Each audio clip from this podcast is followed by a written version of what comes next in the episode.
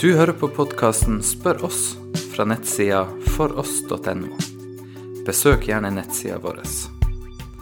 Vi oppdaterer ukentlig med artikler og andre ressurser som omhandler kristen tro. Du kan finne oss på foross.no. Hei igjen, og velkommen til en ny episode av spørfoross.no. Mitt navn da er Ingvald André Kårbø, og jeg skal i dag prøve å svare på følgende spørsmål. Man hører ofte det refereres til lovene i Mosebøkene, og det virker som om kristne følger noen av dem, mens andre bare er for jødene. Hvilke av GTs lover gjelder for oss kristne, og hvorfor? Ja, dette spørsmålet her er egentlig et ganske godt spørsmål, eh, og jeg tror det er et spørsmål som kan være nyttig å reflektere rundt. Blant annet fordi at det, kan være en sånn klassisk eh, innvending mot konservativ kristendom at en i noen saker er veldig bokstavtro, mens en mener at en f.eks. da, med tanke på en del lover i Gamle testamentet, forholder seg litt mer romslig. Så det er spørsmålet hvordan skal vi forholde oss til disse her GT-lovene? Eh, har vi grunnlag for å kunne si at ja, noen av de lovene er bindende, mens andre ikke lenger er gyldig for kristne i dag? Ja, For å svare litt på det spørsmålet, så, så skal vi gå til Bibelen. Og vi skal se at i Bibelen så er det både linjer av videreføring av det en kan kalle kontinuitet, og brudd eller diskontinuitet mellom den gamle og den nye pakt. Vi skal begynne med disse bruddene, for å se hvordan Gud beskriver ganske tydelig i Bibelen at disse budene som han gjør, det er en del av de som ikke lenger er gyldig for hedningekristne i dag. Og Vi skal begynne med å lese det klassiske verset fra Hebreabrevet 9.10, som ofte er et kjernevers for å si noe om akkurat dette. I det verset så står det Liksom forskriftene om mat og drikke om alle slag rensinger, dette bare ytre påbud.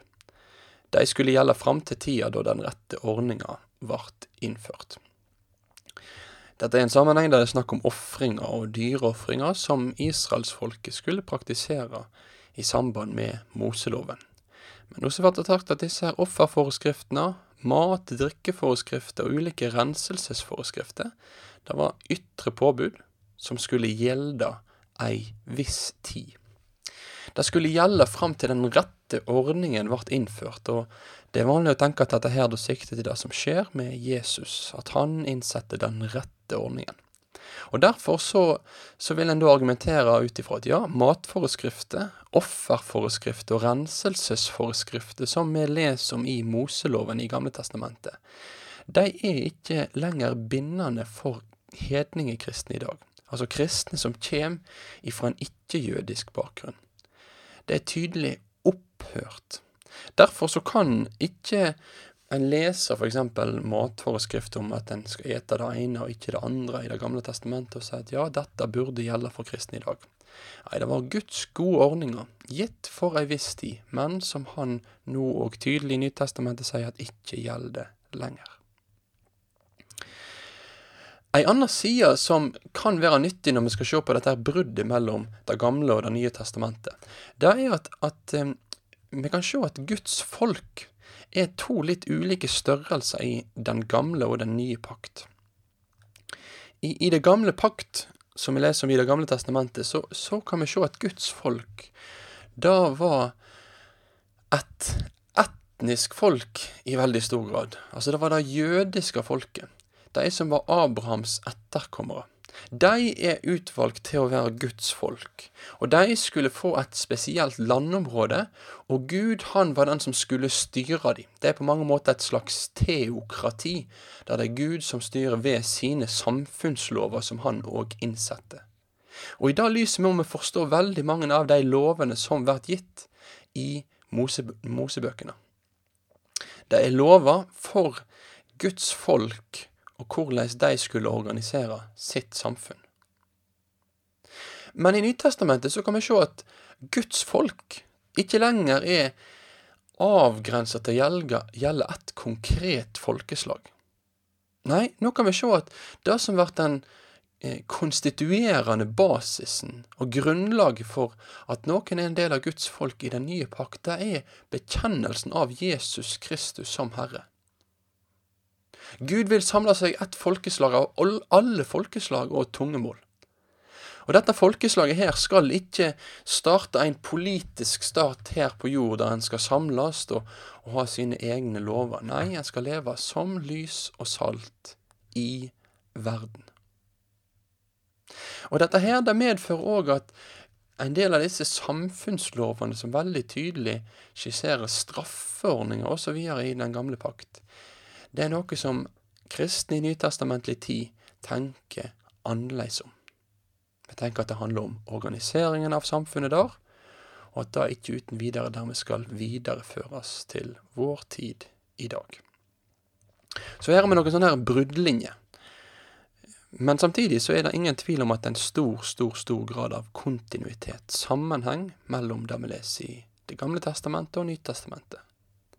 Det er ganske stor sammenheng mellom hvordan Guds vilje blir framstilt i Det gamle testamentet og Nytestamentet. For Gud, han er den samme. Det er en grunnleggende forutsetning for klassisk kristen tro at en tenker at Gud i går og i dag er den samme og vil være det til evig tid. Og Dette ser vi òg i den etiske veiledningen som blir gitt i Nytestamentet. Vi kan ta eh, budene. Kan se at de aller, aller fleste budene i Det gamle testamentet de blir stadfesta i Nytestamentet. Og ikke bare stadfesta, men vi kan til og med lese at sånn som Jesus, han, han viser at budene ikke bare handler om det ytre, men det handler òg om, om det indre i et menneske. Så han fordyper på mange måter Guds vilje knytta til disse budene her. Så de blir både videreført og utdypa.